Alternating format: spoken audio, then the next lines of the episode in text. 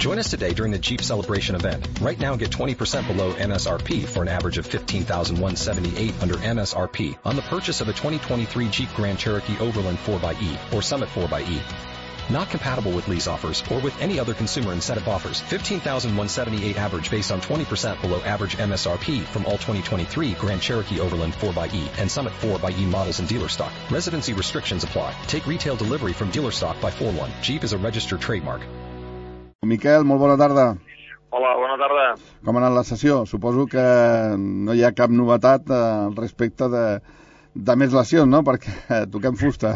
Cap novetat ne negativa, en tot cas. Ens hem emportat un susto amb, amb en Livo, però sembla ser que, que, bueno, que, estarà, que estarà per diumenge. Ha rebut una, una topada amb, amb Gerard Tribe, s'ha fet mal al, al turmell, però després he estat parlant amb ell i m'ha dit que, que no em preocupés. Uh, en tot cas, bueno, són accidents dels entrenaments, uh, que sí que és veritat que amb la situació en la que estem, en quant a número d'efectius, doncs ens, ens és d'un mal de cap. Però vaja, uh, espero que aquest no ho sigui.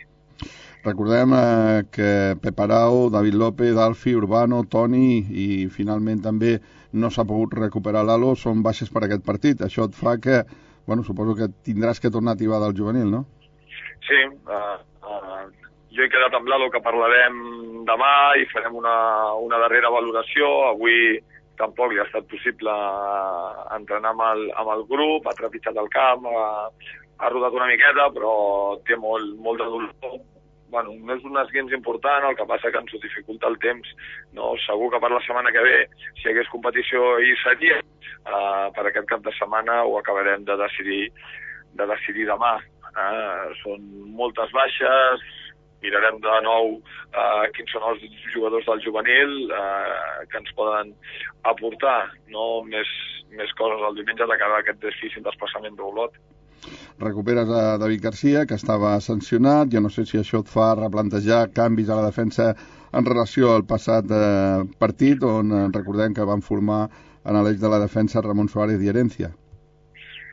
Bueno, és possible que, que hi hagi algun, algun contemplo la possibilitat, degut a la manca d'efectius, de també eh, canviar el sistema, amb la qual cosa ho acabarem de, de perfilar durant, durant el cap de setmana. Eh, és molt probable que David Garcia eh, torni a l'equip i és molt probable que adelanti la posició de, de Ramon Suárez per ser més fora al, al centre del camp. No? Això comportarà alguns retocs i alguns moviments de, d'alguns jugadors, eh, de la seva ubicació natural, però eh, bueno, del que es tracta és de que prioritzem a l'equip i que sortim mm. mentalitzats a treure un resultat positiu d'Olot. Home, poques eh, maniobres es poden... Bueno, gaires maniobres no es poden fer, no?, perquè això comportaria de que quedés un eh, dels homes eh, a la banqueta, i dic un perquè només hi hauria un del primer equip juntament amb el porter suplent, que és Miguel Ángel.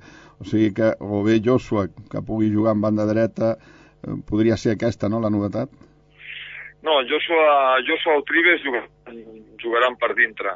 Uh -huh. uh, jugaran per davant de la posició de, de Ramon Suárez. Si finalment juga David Garcia, que repeteixo, és el més, el més probable. Eh, és possible que Carlos o Xavi s'hagin de desplaçar una miqueta cap a banda i en comptes de jugar amb el 4-4-2 habitual, juguem al camp de l'Urat amb, un 4-3-3.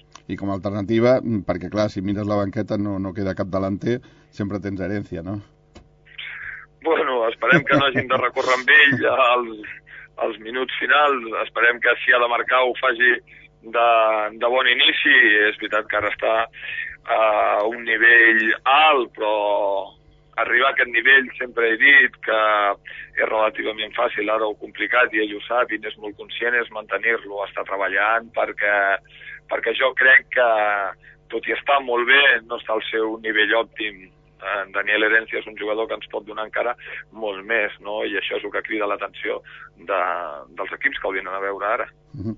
A l'Olot, potser el millor equip a casa. Eh, aquestes xifres, evidentment, són les que són i a ningú se li escapa que serà un eh, complicat desplaçament, tot i que el Terrassa es veurà reforçat per la presència de seguidors perquè es confirma de que hi ha un autocar que, en el qual viatjaran aproximadament 50 seguidors i que estaran donant, evidentment, molt de suport a l'equip i, sobretot, eh, en aquests moments difícils.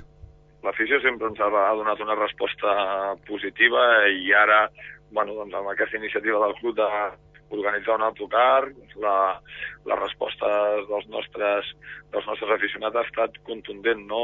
Hi ha un autocar i segurament hi haurà alguns altres aficionats que es desplaçaran amb altres, amb altres mitjans. De ben segur, de ben segur.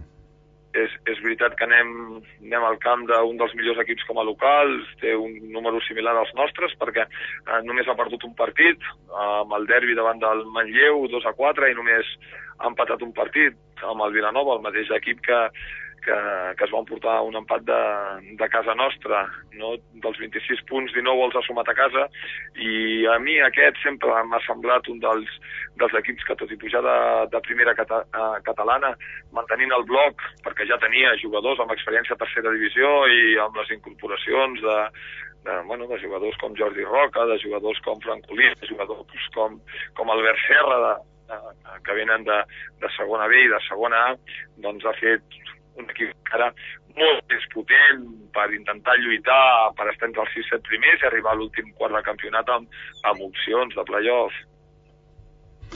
Molt bé, eh, Miquel, eh, gràcies per atendre'ns. Eh, ens veiem el diumenge al Camp de l'Olot. Per cert, que mirant les previsions de, del temps, eh, fins i tot eh, que havia la possibilitat de que el diumenge al matí hi hagués alguna petita nevada per allà dalt. O sigui que esperem que no sigui així i que, a més a més, hi ha un hàndicap, no?, perquè és camp de xespa natural, cosa no habitual a la tercera divisió.